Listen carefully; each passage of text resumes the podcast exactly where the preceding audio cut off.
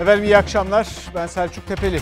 Ee, 29 Eylül 2020 Salı akşamındayız. Saat 19. Türkiye'nin en etkili ve en çok merak edilen haber bültenine hoş geldiniz.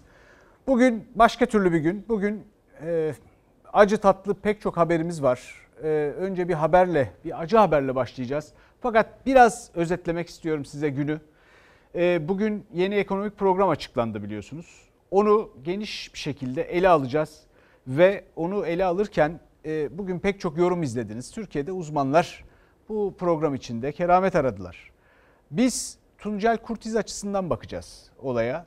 Herhalde yaşasaydı 27 e, Eylül 2013'te kaybettik kendisini. Nurlar içinde yatsın. Herhalde şöyle derdi. E, sen arıları bilir misin yeğen?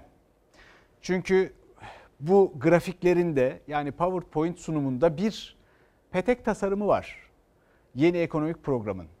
Biz de kendi peteklerimizi arılar tarafından bakarak yansıtmaya çalışacağız. Azerbaycan e, Ermenistan karşısında mesafe kat ediyor.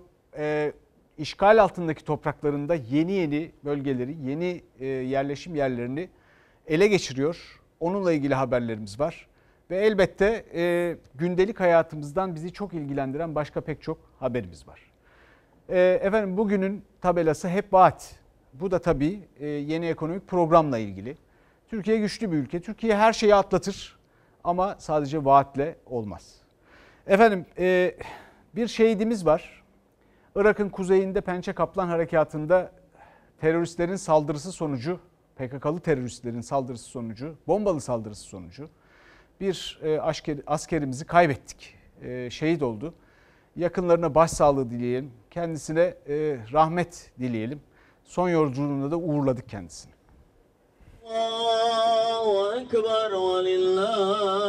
PKK'lı teröristler bombalı tuzak kurdu. Patlamada bir asker şehit oldu. Resulullah'a komşu eylediğin şühedadan eyle ya Rabbi. Irak'ın kuzeyinde Pençe Kaplan Erkat bölgesinde asker operasyondaydı.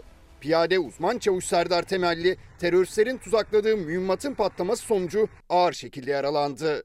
Hastaneye kaldırılan asker şehit oldu. Şehidin acı haberi Mardin'in Derik ilçesi Kırsal Bozbayır mahallesinde yaşayan ailesini yasa boğdu. Bekar olan 23 yaşındaki şehidin baba evine Türk bayrağı asıldı. Tut, alın.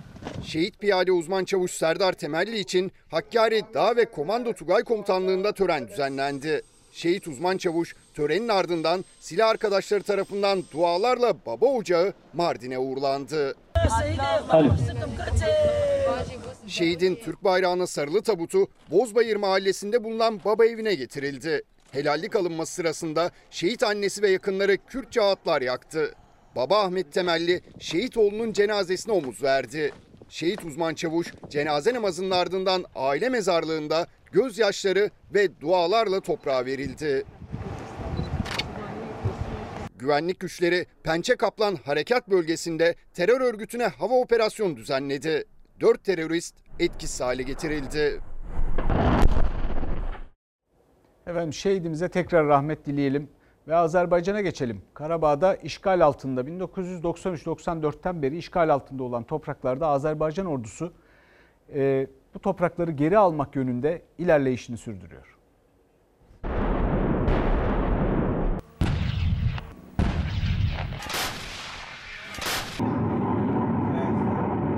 Azerbaycan ordusu Ermenistan güçlerine ait motorlu piyade alayını vurdu. İşgal altındaki 3 köyü daha geri aldı.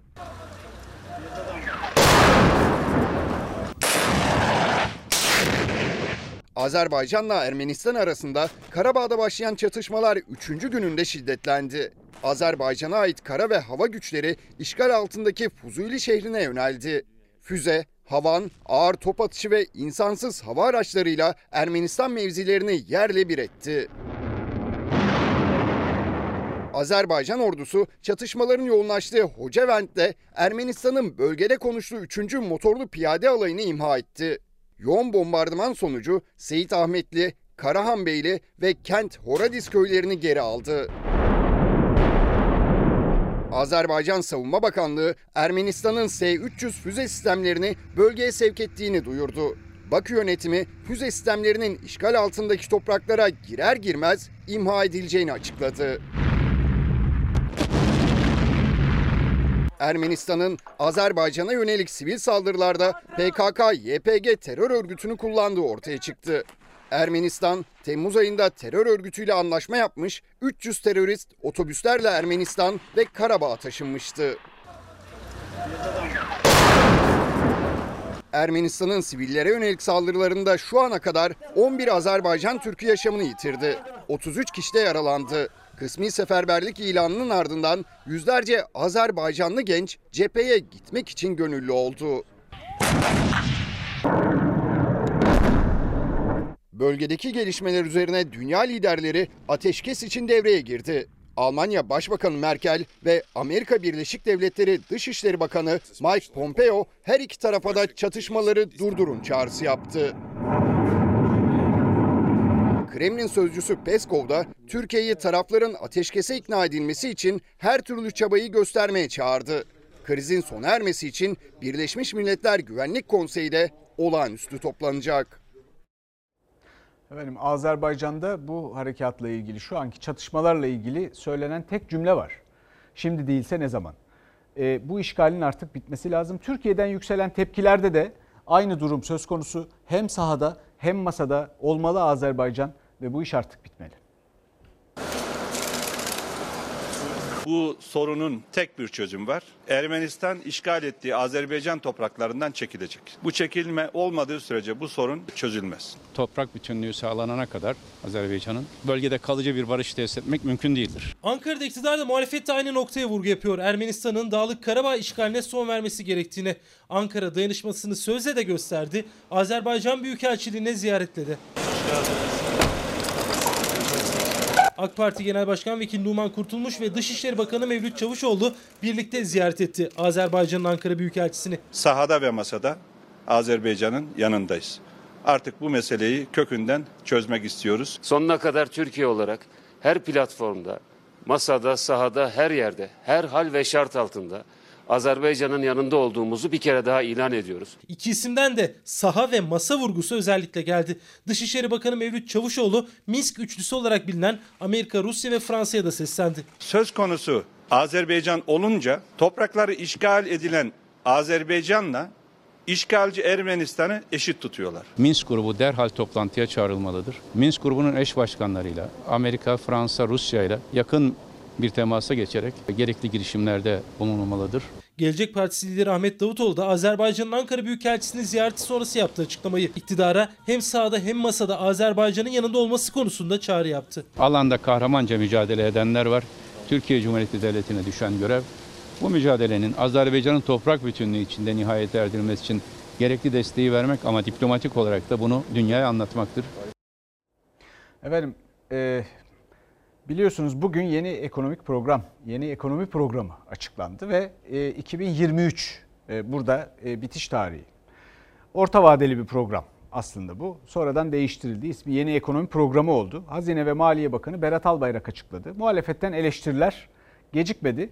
2023 hedeflerinin iflas etmesidir bu şeklinde eleştiriler yaptılar. Salgın sonrası yeni normale hep birlikte nasıl uyum sağlayacağımızı ve yeni ekonomi yaklaşımımızın ne olacağını ortaya koyacak. Yeni normal, yeni ekonomi üzerine inşa edilecekmiş. Damadın 2018'de ilk açıkladığı programda dengelenme, disiplin, değişim diye başlamıştı. Bu kifayetsiz yönetimin elinde ekonomi dengesini öyle bir kaybetti ki o gün bugündür bir türlü dengesini bulamıyor. Hiçbir hedefleri tutmadı. Bugün açıklanan yeni ekonomi programıyla 2023 hedeflerinin çöp olduğunu itiraf etti. Hazine ve Maliye Bakanı Berat Albayrak 2021-2023 yıllarını kapsayan yeni ekonomi programını yeni normal sloganıyla duyurdu, muhalefetten eleştiri yağdı. Çünkü daha önce açıklanan hedeflerin hepsi olumsuz yönde revize edildi. Enflasyon hedefi bir önceki programda 2020 yılı sonu için %8,5'ti. Yeni hedef yıl sonu için %10,5, enflasyonsa şimdiden %11,7. Damat Bakan'ın verdiği rakamlar aslında AK Parti'nin 2023 hedeflerinin iflasının ilanıdır. AK Parti 2011 yılından beri 7 seçimdir 2023 hedefleri diyerek milletimizden oy aldı. Bugün açıklanan yeni ekonomi programıyla 2023 hedeflerinin çöp olduğunu itiraf etti. Yazık oldu milletimizin hayallerine.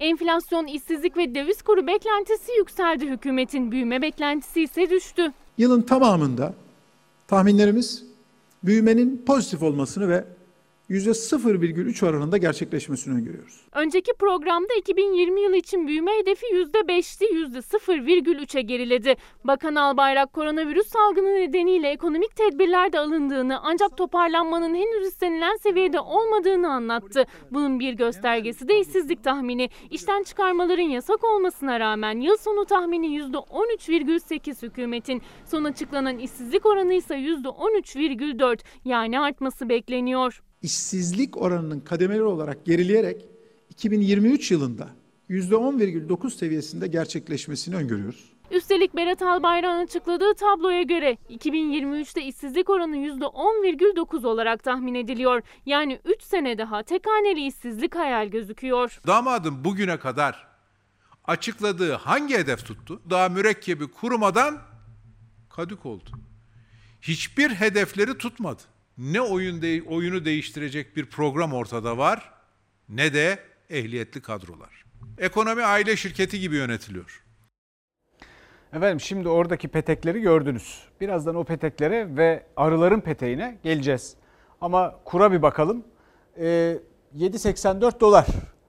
Ee, euro ki bir takım izleyici, yani bazı izleyicilerimiz diyorlar ki o eurodur ya da avrodur. Niye euro diyorsun diyorlar. Bunun okunuşu euro.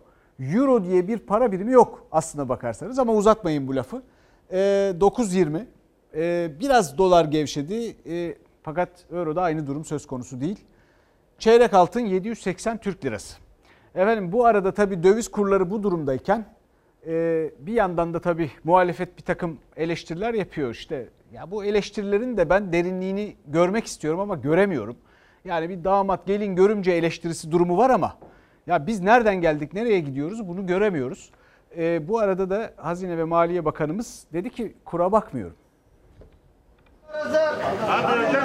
Abi neydi?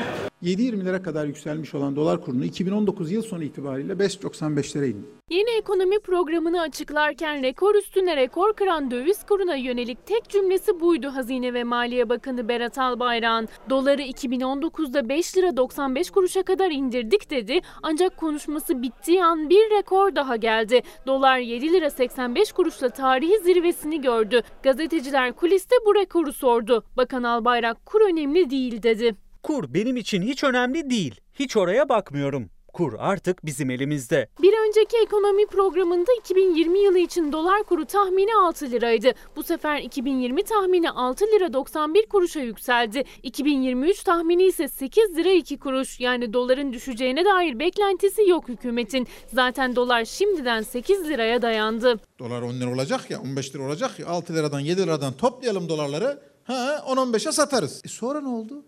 Dolar düştü 5 liraya.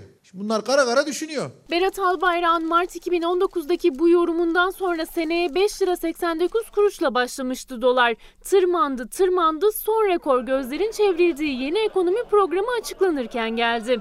takip ediyorum. Bayağı bir yükselişte. Dolar yeni haftaya yeni rekorla başlamıştı. 7 lira 83 kuruşla tarihi zirvesini görmüştü. Sonra gün içinde dolar 7 lira 79 kuruş seviyelerinde kalmıştı. Bugün gözler Hazine ve Maliye Bakanı Berat Albayrak'ın açıklayacağı yeni ekonomi programında o açıklamanın hemen 1-2 dakika öncesinde doların kalbinin attığı Tahtakale'de dolar şu anda 7 lira 84 kuruş. Kaç paraydı dün? Şimdi kaç para? Daha şimdi ne olacağı belirsiz. Bakan Bey konuşma yapıyor. Berat Albayrak'ın açıklamasının en yakından takip edildiği yer İstanbul Tahtakale belki de. Şu anda herkes ellerinde telefonlarla ya da dükkanların içindeki televizyonlardan açıklamayı takip ediyor. Arkadaki hareketliliğin sebebi doların gördüğü yeni rekor. Dolar 7 lira 85 kuruşa çıkarak rekorunu tazeledi. Dinlemiyoruz bak farkında mısın? Sesi bile kapalı. Herkes kendi derdine düşmüş. Para derdine düşmüş herkes. Ben sadece dolar ve euro kısmıyla ilgileniyorum. Bugün kur çıkar, yarın iner. Yarın çıkar, öbür gün iner. Birincisi şunu sorayım size. Dolarla mı maaş alıyorsunuz? Dolarla maaş almayanın da gözü dolarda çünkü iğneden ipliğe ürünlerin fiyatını dolar belirliyor. Dolardaki artış en çok teknoloji ürünlerini etkiledi. Uzaktan eğitim devam ettiği için de en çok fiyatı artan ürünler bilgisayarlar oldu. Ocak ayında 2800 lira olan bu bilgisayar şu anda 5800 lira. Aynı saatlerde dersi olan iki çocuklu bir ailenin Ocak ayından bu yana bilgisayarda kaybı 6000 lira. 1000 lirayla 3000 lira arası fiyatlarda artış oldu. Dolardaki yükseliş sizi nasıl etkiledi? Nasıl etkiledi? Ben buradan çıktıktan sonra ikinci bir işe daha gidiyorum geçinmek için. Daha nasıl dememe gerek var mı? Maaşlar da döviz karşısında günden güne eriyor. Asgari ücret sene başında 395 dolardı. Yeni rekorla 300 doların altına indi. Hazine Bakanı gelip de bir de çalışanları görsün. Bu ülkenin değerli, kıymetli insanları. Şimdi e, biraz yani rejiden yani buradaki yayını teknik olarak idare eden arkadaşların acımasızlığından kaçarak bırakın dağınık kalsın demek istiyorum. Çünkü şimdi bu petek, bu petek bugünkü e, yeni ekonomi pro- programının peteği. E, Sayın Albayrak'ın peteği. Bu petekte e, bir takım ifadeler var. Burada okuyabiliyor musunuz emin değilim. Okuyabiliyorsunuz öyle anlaşılıyor. Öyle dedi arkadaşlarım. Şimdi deniyor ki burada uluslararası doğrudan yabancı yatırımların teşviki mesela. Ya bugüne kadar 18 yıldır bunlar niye yapılmadı ki? Ya da biz 2016'dan beri zaten sendelemeye başladık. 2017 falan başımızdan çok acayip şeyler geçti. Hain bir darbe girişim falan. Tamam. Ama bu salgın yoktu ortada. Biz küçülmeye, büyümeden eksilmeye başladığımızda bu yoktu ortada. Efendim sürdürülebilir büyüme. Acaba ne demek? Yani temenni bu. Sürdürülebilir büyüme. Enflasyonla mücadele. Yani ne yapacağız yani orada? Enflasyonla mücadelede yapılacak şey ne peki? Efendim istihdam. Öyle tek başına bir istihdam yazıyor orada. İşsizlikle ilgili bir rakam var. Bu arada da biraz yardım alacağım müsaadenizle.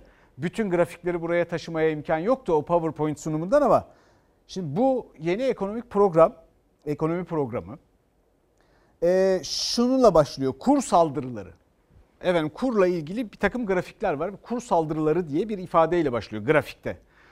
Ya ekonominin kurmayları bana anlatırken yani ben hiç kimse olarak bana anlatırken siz bu ülkenin kıymetli yurttaşlarına, vatandaşlarına anlatırken biz bütün bu sıkıntıları yaşıyoruz. O kura bakmıyor belki ama biz bakmak zorundayız. Çünkü bizim yaktığımız e, efendim ara, aracımıza koyduğumuz e, efendim işte elektriğimiz, şunumuz bunumuz hepsi bu kurla ilgili. Biz bakmak zorundayız. Baktığımız zaman kur saldırıları diye bir ifade var.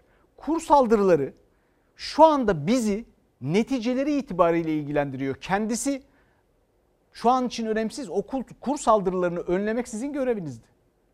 Neden bu ülkeye kur saldırıları yapıldı ve neden sizin bunları engelleyemediniz?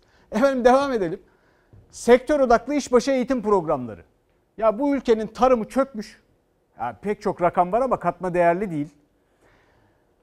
Ama sektör odaklı işbaşı eğitim programları peki nasıl olacak? Türkiye'de bir tane, bir tek e, tarım meslek lisesi var. Başka yok. Başka meslek liselerinde durum nedir? Genç işsizliği bu ülkede kaç? %30'u buldu. Ayrıca geniş tabanlı işsizlik de istihdam diyoruz. Geniş tabanlı işsizlik de orada grafiklerde gösterilen gibi değil zaten %30'u buluyor. Efendim e, esnaf ve yan, esnaf yanında gençlere meslek edindirme programları. İşte burada verimlilik artışı. Mesela ne demek verimlilik artışı? Hadi tamam verimliliği arttıralım. Efendim işte özel sektör ve doğrudan yabancı yatırımcı işbirlikleri sabit sermaye yatırımları mesela. Ya tamam yapılsın ama son 9 ay içinde Türkiye'den çıkan yabancı sermayenin yani Türkiye'den piyasadan çıkan yabancı paranın nasıl söyleyeyim sıcak paranın 21 milyar dolar olduğunu görmezden mi geleceğiz? Tarihinde yok Türkiye'nin bu, bu derece yoğun bir çıkış ve bu adamlar zararına çıkıyorlar. E şimdi onlara ihtiyacımız var diyoruz. Sonra meydanlarda adamlara e, itip kalkıp başka bir şeyler söylüyoruz. Ya söyleyelim umurumda değil yabancı sermaye fakat sonra onlara ihtiyaç duymayalım. Türkiye'nin ekonomisi şu anda yabancı sermayeye ihtiyaç duyuyor. Çünkü biz 18 yılda yapısal reformları yapmadık. Ne o yapısal reformlar mesela? Mesela vergi düzenlemesi. Mesela efendim işte kamu ihale yasası. Kimler ihale alıyor? Ne şartlarla alıyor? E biz şimdi kamu harcamalarında burada başka bir şey var. Kamu harcamalarında Türk lirasıyla yapacağız bu işleri diyoruz. E iyi de Bu müteahhit cuntasına niye dolarla borçlandık? Geçsek de geçmesek de niye bu kadar para ödüyoruz o zaman? Dolar üzerinden ödüyoruz. Niye yapıyoruz bunu? Efendim cari denge. Şimdi Türkiye cari dengesini koruyacaksa eğer yani dış ticaret açığı vermeyecekse ya da enflasyonunu yükseltmeyecekse nasıl büyüyecek? Türkiye bunun bu, bu, bu şekilde büyüme imkanlarına sahip değil. O yüzden %5, %6 büyümeler bunlar hayal, gerçekçi değil. O yüzden de sürekli rakamları biz tazeleyip yenilemek zorunda kalıyoruz sonra her defasında yeni bir ekonomik programda. Şimdi bunu geçelim. Bakın bu bu petek hemen vermeyelim bir dakika lütfen bir geri dönelim. Bir geri dönelim. Bakın bu petek bu petek suni bir petek. Şimdi bu petekteki mesele ne biliyor musunuz? Ben e, bugün Tuncel Kurtiz'den yola çıktım. Arıları bilir misin? Yeğenim derdi, yeğen derdi diye düşündüm. E, neden? Çünkü bu petek arılarla ilgili. Bu petek e, e, benzetmesi, tasarımı ilginç hakikaten. Tuncel Kurtiz Kocaeli doğumlu bu arada. Onun için Kocaeli'nin renklerine en yakın renkler biraz Sakarya oldu, biraz Rize oldu. Hepsi sevdiğimiz iller.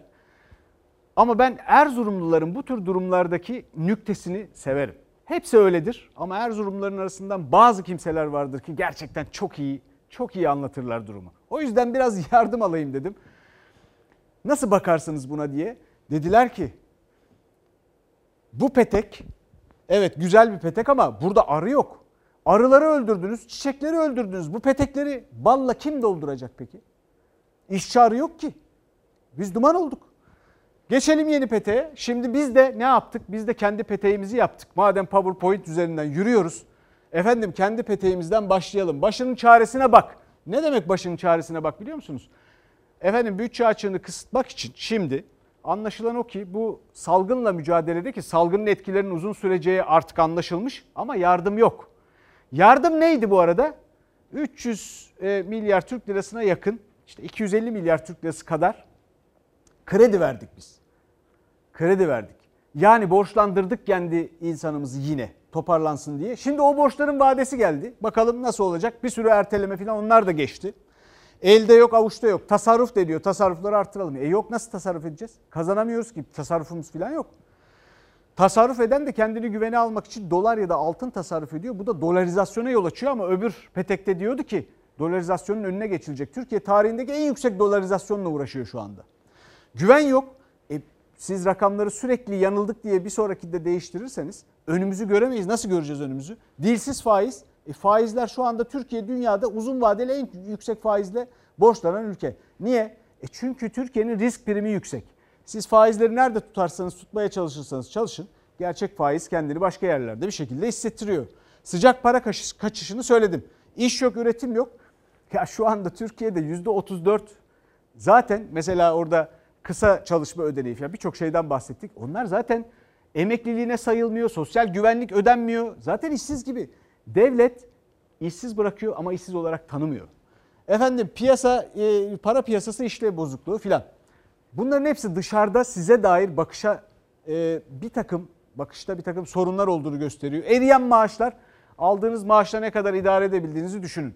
Efendim bunu burada kesmem lazım. Çünkü çok uzattım. Bırakın dağınık kalsın dedim ama bitmedi.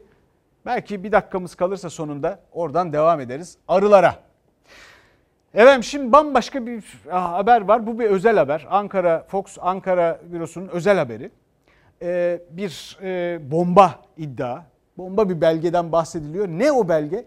Efendim bu Covid-19 vaka sayısı ile ilgili olarak e, biliyorsunuz rivayet muhtelif pek çok eleştiri var. Bu rakamlar doğru değil diyenler var.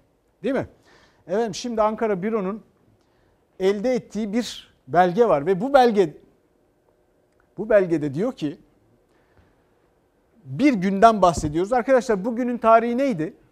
10 Eylül tarihli bu yıl 10 Eylül tarihli bir belge bu. Ve bu belgede diyor ki 157.975 kişi e, bir e, test için başvurmuş. Efendim reddedilen, kabul edilen, işte üzerinde çalışılan, onaylanan filan. Negatif hasta sayısı 128.645 çıkmış. Pozitif hasta sayısı 10 Eylül gününden bahsediyoruz. 29.377 Türkiye'de, Türkiye genelinde.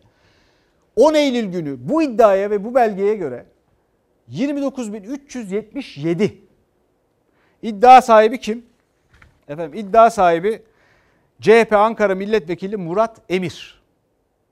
Bu belgeyle birlikte.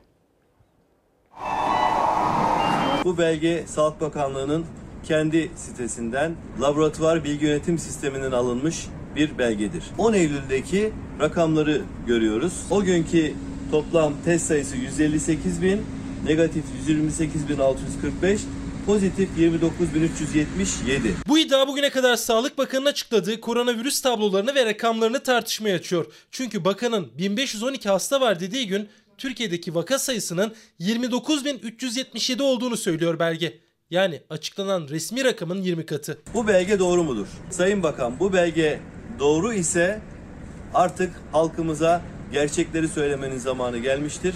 Şunu ayırmamız lazım. Hasta kliniği olan kişi, vakaysa pozitif çıkan hastalığı bulaştırma riski olan veya hastalanma riski yüksek olan insan demek. Eğer semptomunuz olursa hasta oluyorsunuz. İstanbul İl Sağlık Müdürü'nün bu açıklaması turkuaz tablodaki hasta sayısının hastanede yatanların sayısı olduğunun vaka sayısı toplama olmadığının işaretiydi aslında. Birkaç gün sonra Sağlık Bakanı da hasta vaka ayrımı yapan cümle kurdu. Türkiye'de genelinde 3-4 il dışında vaka sayılarının yani test yapılarak pozitif bulduğumuz vakalardan bahsediyorum. Hastanede yatan hastalardan bahsetmiyorum. Yeni hasta sayısından ne kastediyorsunuz? Eğer yeni hasta sayısı Covid pozitif hastaları kapsamıyorsa neyi kapsıyor? Neye göre yeni hasta belirliyorsunuz? Muhalefet Sağlık Bakanı'nın açıkladığı rakamların gerçek vaka sayısı olmadığını en başından beri söylüyordu. CHP'li Murat Emir iddiasını bir adım ileri götürdü. Bir belgeyle Türkiye'de günlük vaka sayısının turkuaz tablodaki rakamın 20 katı olduğunu açıkladı. Türkiye genelinde sadece 10 Eylül günü 29.377 pozitif vaka olduğunu görüyoruz. Oysa aynı gün Sayın Bakan sadece 1512 yeni hasta olduğunu söylemişti. Sağlık Bakanlığı Laboratuvar Bilgi Yönetim Sisteminden alınmış bir belge. Başlığı laboratuvar çalışma grafiği. O gün Türkiye genelinde yapılan test sayısı toplamı negatif ve pozitif vaka sayıları yazıyor. Veriler 10 Eylül 2020 tarihine ait. 10 Eylül tarihinde hastaneler, havalimanları, sporcular dahil Türkiye genelinde 158.022 test yapılmış. Negatif çıkanların sayısı 128.645. Pozitif vaka sayısı ise 29.377 diyor CHP'li Murat Emir. 29.377 Covid pozitif hasta bulunuyor ama Sayın Bakan aynı gün 1512 yeni hasta olduğunu söylüyor. Sağlık Bakanı'nın açıkladığı 10 Eylül tarihli turkuaz tabloya göre o günkü hasta sayısı 1512. Ama laboratuvar bilgi yönetim sistemi verisine göre Türkiye'deki vaka sayısı 29.377. Sadece Ankara Dışkapı Yıldırım Beyazıt Eğitim ve Araştırma Hastanesi'ndeki testlerde 1625 pozitif vaka var diyor belge. Yani bakanlığın o günkü hasta sayısından fazla. Bu iki tablo Sağlık Bakanlığı'nın vaka sayısından niye hasta sayısına geçtiğini ortaya koyuyor. Günde Türkiye genelinde 30 binler civarında giden vaka sayısı olduğunu biliyoruz ve bu vaka sayısını gizlemek için de hasta sayısı diye bir rakam uydurdular. 28 Temmuz tarihine kadar turkuaz tabloda vaka sayısı yer alıyordu. O tarihten sonra hasta sayısına geçildi. CHP'li Murat Emir vaka sayısını gizlemek için yapıldı diyor. Günlük vaka sayısının 30 bini bulduğuna ilişkin iddiaya bakanlığın yapacağı açıklama bekleniyor. Eğer bu belge yanlış diyorlarsa bu e, sayfayı en azından sağlıkçıların e, izlemini açmak zorundalar. Efendim CHP'li Murat Emir'in iddiasını gördünüz. Bu arada o 10 Eylül gününde vaka sayısı açıklanan vaka sayısı 1512. Yani vaka derken hasta sayısı, hastaneye yatan sayısı bugünkü de 1427, 1412'den 1427'ye yükselmiş. E, bugün açıklanan vaka sayısına bakıldığında 68 yurttaşımız da hayatını kaybetmiş. Allah rahmet eylesin. Efendim bu arada e, internetle ilgili eğitimde biliyorsunuz önemli problemler var. İnternete zaten hiç ulaşamayan köylerdeki öğrenciler, köy okullarını falan kapattık biliyorsunuz. Onlar şimdi sere serpe orada havadar eğitim yapabilirlerdi ama onları şehire taşıdık niyeyse. E, şimdi köylerde internete ulaşmak da zor, uzaktan eğitim çok daha zor. Orada bir köy var uzakta ama işte internette ulaşamıyoruz, eğitimle de öyle. Mansur Yavaş Ankara Büyükşehir Belediye Başkanı interneti ücretsiz e, belediye hizmeti olarak verebileceği öğrencilere bir proje üzerinde çalışıyor. Yanındaki sayıya geçtim. Yüzler basamağı. Beş. Yüzler basamağı. Altı. Evi evimizden buraya kadar geliyoruz. Çok yoruluyoruz. Evimizden burası bir kilometre uzakta. E, şehirdeki öğrenciler gibi evimizde oturup izlemek istiyoruz. Havalar soğuduğundan dolayı artık çıkma, çıkamıyoruz, üşüyoruz. Kars'ta internetin çektiği yere yürümekle geçiyor öğrencilerin vakti. Ağrı'da yürüdükleri yere bir tuğla koyup öyle ders çalışıyorlar. Üstelik sıkıntı erişimle de bitmiyor. İnternet kotaları da yetmiyor öğrencilere. İlk somut adım Ankara Büyükşehir Belediye Başkanı Mansur Yavaş'tan geldi. Başkentin köylerine ücretsiz internet için harekete geçti Yavaş. 928 köyümüze ücretsiz internet hizmeti sağlamak için TürkSat'la görüşmelere başlamış bulunmaktayız. İnternet ücretini belediyemiz karşılayacaktır. Ayda 10 11 GB harcıyorum. Operatör 8 GB tanımlıyor. Yetmeyince bazı mesela bedendir, e, resimdir, müzik derslerine giremediğim oluyor. Bir de canlı dersler var. Tabii. O zaman hepsini toplarsan. 20 GB olur herhalde. 8 GB olduğu için 12 GB açık oluyor. Öğrenciler internet paketleri yetsin diye ya ders seçiyor ya da imkanı olanların aileleri üstüne para ödüyor. Çünkü operatörler tarafından sağlanan ücretsiz EBA kotaları bir hafta ancak yetiyor. Yetmiyor. Daha fazla paket almak istiyorlar diye 8 GB internet yetmez. Çünkü e, derslere canlı yayına yaptığı zaman nereden bakarsan 1 saatte 1 GB hesap yapıyorlar. Ekstra 8 GB internet alıyorlar, 6 alıyorlar ama yine de yetmiyor. Uzaktan eğitim için internet paketi yetmeyen öğrenciler ve veliler kendi tarifelerinin üzerine ek internet paketi almak için geliyorlar telefoncuya. Eğer aylık 2 GB internet paketi alırlarsa ödeyecekleri ücret 40 lira ama genelde 2 GB'lık paket yetmiyor. 8 GB'lık paketlerse 60 lira. 8 GB 60 lira ödüyor. Biraz yüksek geliyor bunlar. İki tanesi e, paket aldığı zaman ekstra 120 TL kendi paketin üstüne eklemesi gerekiyor. Mansur Yavaş'ın Ankara'daki görüşmeleri ne sonuç verecek? Uygulama diğer belediyeler tarafından tüm Türkiye'ye yayılacak mı? Öğrencilerin ve velilerin gözü ücretsiz internet ihtimalinde. İnternet paketim bazen yetmiyor. Niye yetmiyor? Çünkü çok fazla ödev veriyorlar. Canlı derslerim oluyor. Aylık 60 liralık bir internet faturası oluyor. Telefonum için. Bir de modem interneti hariç. Efendim hava gibi, su gibi e, insan hakkı olarak internet. Şimdi sağlık çalışanlarının bir isyanı, bir çığlığı var. Ek ödeme. Ek ödeme konusunda kendilerine e, cimri davranılmış. Hastanelerde çalışan din görevlilerine en üst e, seviyeden e, bir ödenek ayrılırken kendilerine bu yapılmamış. 3,5 lira maaşım var benim. Onun dışında başka bir şeyimiz yok. Mesai saati aralığımız da yok. Gece gündüz çalışıyoruz. Hakkımızı alamıyoruz. Artık yeter. Alın teri ise alın teri. Cansa can. Neden sorunlar görmezden geliniyor? Salgınla mücadelenin kahramanları sağlık çalışanları Sağlık Bakanlığı'nın yayınladığı ek ödeme genelgesine verdikleri tepkiyi Sağlık Bakanlığı önüne taşıdılar. İktidara yakınlığıyla bilinen memur sene bağlı Sağlık Sen bir haftada ikinci kez sesini yükseltti. Nasıl ki bir öğretmen ek ders yaptığında ek ders ücretini merkezi bütçeden alıyorsa sağlık çalışanları da tuttuğu nöbetin karşılığını merkezi bütçeden almalıdır. Pandemi hastasıyla ilgilenen bütün hekim ve sağlık personeli tavandan performansını almış olacak. Bakan bu müjdeyi vermişti ama genelgeye göre tavandan ek ödeme alacak olanlar din görevlileri. Hastanede çalışan din görevlileri ek ödemeyi tavandan yani %100 oranında alacakken doktorlar ve hemşirelerin ek ödemeleri hastane gelirine ve performansa göre en düşük %16 en fazla da %50 oranında olacak. İmamlar yüzde üzerinden, yıkadığı cenaze üzerinden para alınacakmış. Bizler şimdi Covid hastaya mücadele ediyoruz. A grubuna yüzde yüzden döner sermaye belli. B grubuna yüzde 66'dan döner vermek kesinlikle yanlış bir uygulama. Biz Covid'le mücadele ediyoruz burada. İç içeyiz.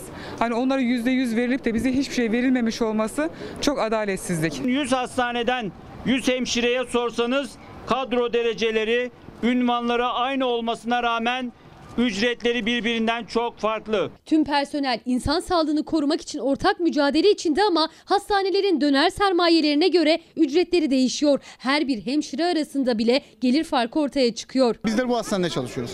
Bu hastanenin geçen ay kesilen faturası 92 milyon lira. Biz 150 milyon fatura dahi kessek burada çalışan yardımcı sağlık personelinin döner sermaye alması mümkün değil. Sebebi şu. Buradaki doktor sayısı çok fazla. Sağlık çalışanları döner sermaye yönetmeliğinin sil baştan düzenlenmesini istiyor. Efendim bu ülkenin sanıldığından çok daha zeki insanları var. Şimdi o insanların kafasında şu kuşku da oluşabilir. Acaba imamlar bu açıklanan rakamlardan farklı rakamlar var da daha mı çok çalışıyorlar diye kuşku düşmesin akıllarına. Buna dikkat etmek lazım. Efendim şimdi e, Osman Kavala ile ilgili 1060 gündür tutuklu. Bugün e, Anayasa Mahkemesi'ne yaptığı bir başvuru görüşülmesi gerekiyordu. Ertelendi. Neden? Çünkü e, iddianame yok ortada. Şimdi o 8 aydır olmayan iddianame bugün hazırlanmış. Bugün bu kararın verileceğini ümit ediyorduk ve bekliyorduk. Çünkü Kavala ile ilgili yeni bir dava yoktur.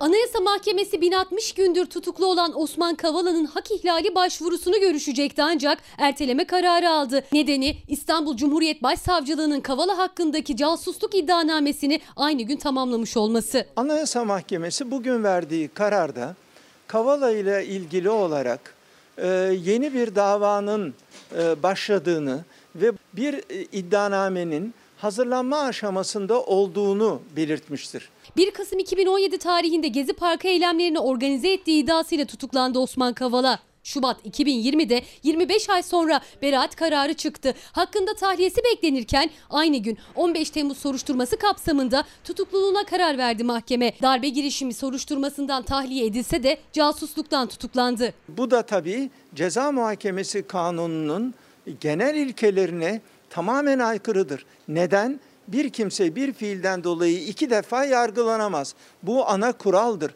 Ama maalesef olayımızda bunu görüyoruz. Osman Kavala'nın daha önceki hak ihlali başvurusu Anayasa Mahkemesi'nden dönmüştü. Avukatları bir kez daha yüksek mahkemenin kapısını çaldı. Hakkındaki ikinci tutuklamanın üzerinden 8 ay geçtikten sonra Anayasa Mahkemesi başvurunun 29 Eylül 2020 tarihinde görüşüleceğini açıkladı. Ancak aynı gün İstanbul Cumhuriyet Başsavcılığı casusluk iddianamesini hazırladı. Ağır Ceza Mahkemesi'ne gönderdi. Yüksek Mahkemede hak ihlali görüşmesini erteledi. Bir beraat kararı verilmiştir. Bundan tam 8 ay önce bu beraat kararı şu anda bölge adliye mahkemesindedir. Yani biz ikinci defa yargılanacağız. Mahkeme iddianameyi kabul ederse Kavala casusluk soruşturması kapsamında Ağır Ceza Mahkemesi'nde yargılanacak. Anayasa Mahkemesi'nin hak ihlali başvurusunu ne zaman görüşeceği ise bilinmiyor. Evet şimdi tekrar yargıya taşınan bir 6-7 Eylül olayları var. HDP ile ilgili bu soru e, Ekim özür dileyerek e, düzeltiyorum. 6-7 Ekim olayları var. Bununla ilgili e, o dönem başbakan olan Ahmet Davutoğlu'nun e, şeyler söylemesi gerektiği yönünde bir çağrı yapıldı HDP'den. Ahmet Davutoğlu da Cumhurbaşkanı'nı işaret etti. Sayın Davutoğlu'yla görüşmede ben o kapsamlı muhasebe önerimi paylaştım. Herkesin orada e, o dönemde yaşananların ortaya çıkması konusunda sorumluluğunu yerine getirmesi gerektiğini söyledim. Kendisi de bu e, öneride mutabık olduğunu söyledi. Bir muhasebe yapılması gerekecekse tabii ki bu muhasebenin herkes tarafından yapılması ama öncelikle Türkiye'de siyaset yapan herkesin her türlü terör ve şiddet eylemine karşı açık ve net bir tutum takınması gerekir. HDP yönelik Kobane operasyonuna dönemin Başbakanı Ahmet Davutoğlu da ses yükseltince HDP'den eski başbakana konuş çağrısı geldi. Kobane olaylarından 5 gün önce Demirtaş'la başbakanlıkta görüşen Davutoğlu o dönem olduğu gibi bugün de 6-8 Ekim olayları için terör faaliyeti ifadesini kullandı. Sayın Sancar'ı ve Sayın Altantan'ın ve Sayın Ayhan Bilge'nin eşlerini de arayarak geçmiş olsun dileklerinde bulundum. Bu şu demek değildir. 6-7 Ekim olaylarında maalesef Kobani'deki gelişmeler bahane edilerek Türkiye'de kamu düzenini bozmaya dönük çok ciddi bir terör faaliyeti olmuştur. Kobani protestolarından 5 ay sonra Dolmabahçe'de bir mutabakat metni okunmuştur. Bu toplantıya katılanlar Kobani protestolarından 5 ay sonra Dolmabahçe'de neden oturdunuz? Bu açıklamayı yaptınız. Oradaki süreçlerin hepsi şeffaftır. Yürütülen süreçlerin hepsi kamuoyunda yürütülmüştür. Genel Başkanlığı, Başbakanlığı bana devrederken Sayın Cumhurbaşkanı o zaman Başbakan olarak iki emanetinden biri olarak zikrettiği çözüm sürecini sürdürme sorumluluğu vardı. Bu Sayın Erdoğan'ın bize devretmiş olduğu ve bir emanet olarak gördüğü bir süreçti. Diğer taraftan da kamu düzenini bozmak isteyen teröristlere karşı mücadele vardı. Eski Başbakan Ahmet Davutoğlu Kobane olaylarına rağmen çözüm sürecinin devam etmesini, Dolmabahçe mutabakatını da Cumhurbaşkanı Erdoğan'ın talimatı sözleriyle açıkladı.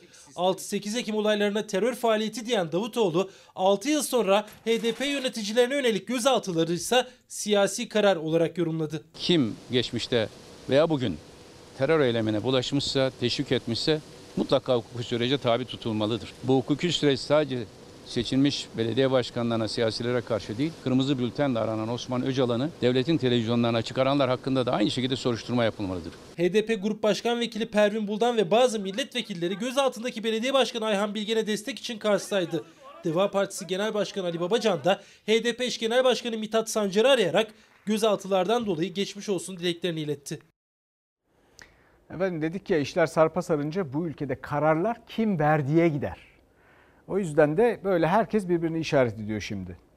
Uzun süredir e, kentsel dönüşüm mağduriyeti yaşanan bir yer var İstanbul'da. İstanbul'da Üsküdar'da Kirazlıtepe e, mahallesi. Bu mahallenin sakinleri e, hem kapının önüne kondular. Yani bir yandan da hastalıkla mücadele ediyorlar. E, pek çok hasta olanı var, yaşlısı var, şusu var, busu var. E, elektrikleri kesilmiş. 15 evden bahsediyoruz. Suları kesilmiş. Niye? E çünkü kentsel dönüşüm diye. Ya bu insanlar nereye gidecek peki? Önce bunu ayarlamak lazım değil mi? Evet. Evet. Nefes alamıyorsunuz. Zorlukla alıyorum. Bunu fişe takıp bunun yaptığı buharla almam lazım bunu. Yaklaşık bir yarım saat, bir saat. İki gündür yapamıyorsunuz. Yapamıyorum maalesef. Maalesef. Riski nedir? Riski fenalaşmak, nefes alamamak, hastaneye yatmak. Sabah akşam kullanmak zorunda ama iki gündür kapalı solunum cihazı. Çünkü deprem nedeniyle riskli alan ilan edilen bölgede elektriğini kestiler 67 yaşındaki Avni Dönen'in.